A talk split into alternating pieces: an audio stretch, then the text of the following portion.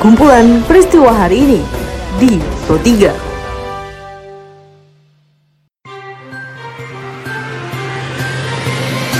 Halo pendengar, selamat berjumpa kembali di podcast Pro 3 RRI. Pada podcast kali ini saya akan mengulas isu-isu aktual yang saat ini masih hangat atau ramai diperbincangkan di sekitar kita. Dan tentu saja pendengar nanti akan saya hadirkan cuplikan informasi dari reporter kami. Bersama saya Karisma Rizky, inilah kumpulan peristiwa Pro 3 di ruang dengar podcast Anda. Dan pendengar, sebelum saya masuk ke dalam beberapa isu aktual yang akan saya hadirkan sesaat lagi, saya akan mengundang Anda untuk mampir ke laman berita kami di rri.co.id. Anda juga bisa memfollow kami melalui sosial media di Instagram, Twitter, dan Facebook dengan mengetik at RRI Programa 3 di kolom pencarian Anda. Dan berikut mendengar berita pertama kita datang dari Presiden Joko Widodo yang kembali mengingatkan kepada para kepala staf TNI untuk terus mengingatkan dan mendisiplinkan masyarakat dalam menerapkan protokol kesehatan.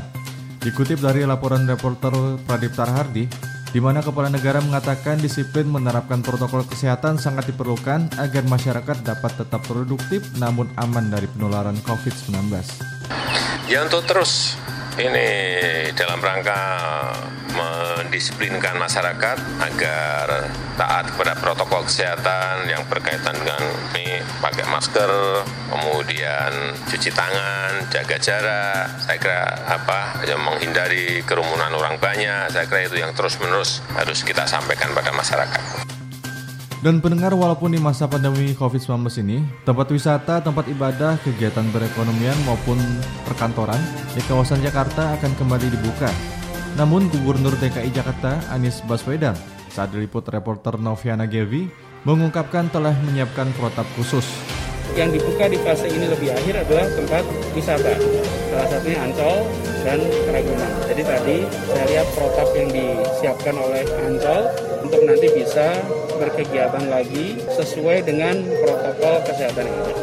Uh, semua tempat sama, jadi uh, para pekerjanya diperiksa, kemudian secara rutin ada pemantauan, kemudian kalau ada kasus maka diperiksa kasusnya, apakah perlu isolasi, apakah perlu perawatan, tapi protapnya semua ada.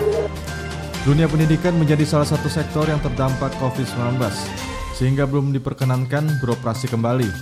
Direktur Pendidikan Masyarakat dan Pendidikan khusus Kementerian Pendidikan dan Kebudayaan RI, Dr. Samto, saat diwawancarai reporter Fitra Maria mengatakan mulainya tahun ajaran baru bukan berarti sekolah akan dibuka kembali. Intinya bahwa anak-anak kita itu 92% itu berada di zona yang yang rawan, mulai dari kuning sampai merah. Sementara yang di hijau itu hanya sekitar 7%.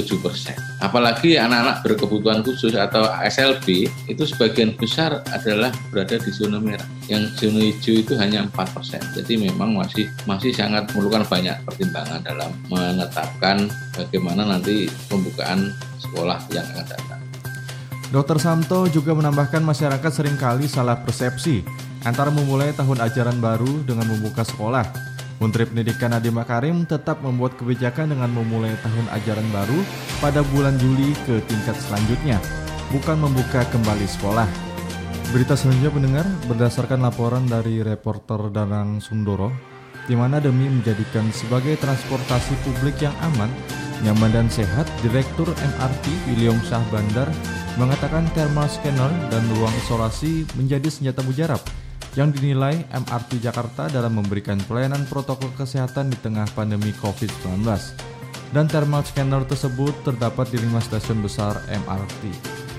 Thermal scanner yang tadi itu akan dipasang di lima stasiun besar karena stasiun yang akan memungkinkan terjadinya penumpukan penumpang akibat antrian. Nah, lima stasiun besar itu adalah Bundaran HI, Atas, Blok M, Fatmawati, dan Lebak Bulus. Mulainya kapan? Mulainya bulan depan.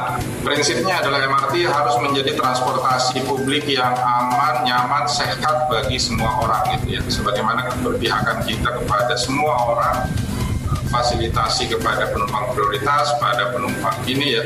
Tidak semua orang naik MRT itu sehat. Misalnya orang eh, anak-anak, ibu hamil, orang dengan penyakit bawaan gitu ya. Itu harus punya hak yang sama untuk naik MRT. Berita selanjutnya mendengar, almarhum Jenderal Purnawirawan Pramono Edi Wibowo telah dimakamkan pada Minggu 14 Juni 2020 kemarin di Taman Makam Pahlawan Kalibata, Jakarta Selatan, di mana dalam laporan reporter Yorike Fitri bahwa almarhum Pramono Edi Wibowo telah meninggalkan duka bagi sejumlah pihak khususnya TNI Angkatan Darat. Beliau dikenal sebagai sosok yang sederhana dan dekat dengan prajurit. Hal tersebut diungkapkan Erwin Sujono selaku perwakilan keluarga saat memberikan kata sambutan pada saat pemakaman almarhum. Semasa hidup Jenderal TNI Purnawirawan Pramono Edi Wibowo adalah sosok yang rendah hati, sederhana, dan dekat dengan prajurit.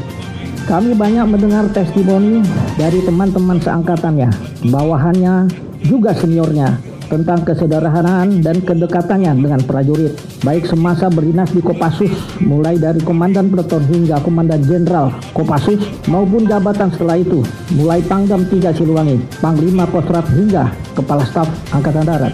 Kita beralih ke berita olahraga pendengar, dikutip dari laporan reporter Alotani, di mana penerapan sport science di tengah latihan secara mandiri bagi para atlet di masa pandemi harus tetap dijalankan dengan baik demi menjaga fisik dan mental menjadi seorang juara. Hal tersebut diungkapkan psikolog Universitas Indonesia Profesor M. Enok Markum saya punya keyakinan para atlet yang berprestasi maupun yang tidak karena lingkungannya itu Anda harus berprestasi. Anda harus menunjukkan kemampuan yang terbaik. Anda tidak boleh frustrasi Anda tidak boleh putus asa. Jadi menghadapi COVID-19 silahkan pengalaman-pengalaman itu ditransfer ke keadaan pandemik COVID-19 karena saya punya keyakinan para atlet bisa mengatasi itu semua. Kita beralih ke perkembangan kasus COVID-19 di Indonesia, pendengar di mana berdasarkan laporan dari reporter Safir Amalia, kasus konfirmasi positif COVID-19 di Indonesia hari ini bertambah menjadi 857, sehingga totalnya kini mencapai 38.277 orang. Juru bicara pemerintah untuk penanganan COVID-19, Ahmad Yuryanto mengatakan tambahan kasus tertinggi hari ini ditemukan di Provinsi Jawa Timur melaporkan kasus baru konfirmasi COVID-19 sebanyak 857 orang, sehingga totalnya menjadi 38.277 orang. Peningkatan tertinggi kita dapatkan di Jawa Timur dengan penambahan 196 orang dan ada laporan sembuh 75 orang. Dan pendengar informasi tadi sekaligus mengakhiri perjumpaan kita pada podcast edisi hari ini. Anda masih bisa mendengarkan podcast edisi hari ini dan hari lainnya di Spotify dengan hanya mengetik Pro 3 RRI di kolom pencarian Anda. Dan pendengar tetaplah menjaga jarak dan teruslah mengikuti berita terupdate di Pro 3 RRI. Saya Karisma Rizky beserta tim podcast undur diri sampai jumpa. Sejalanan ibu kota DKI Jakarta masih Kumpulan peristiwa hari ini di Pro 3.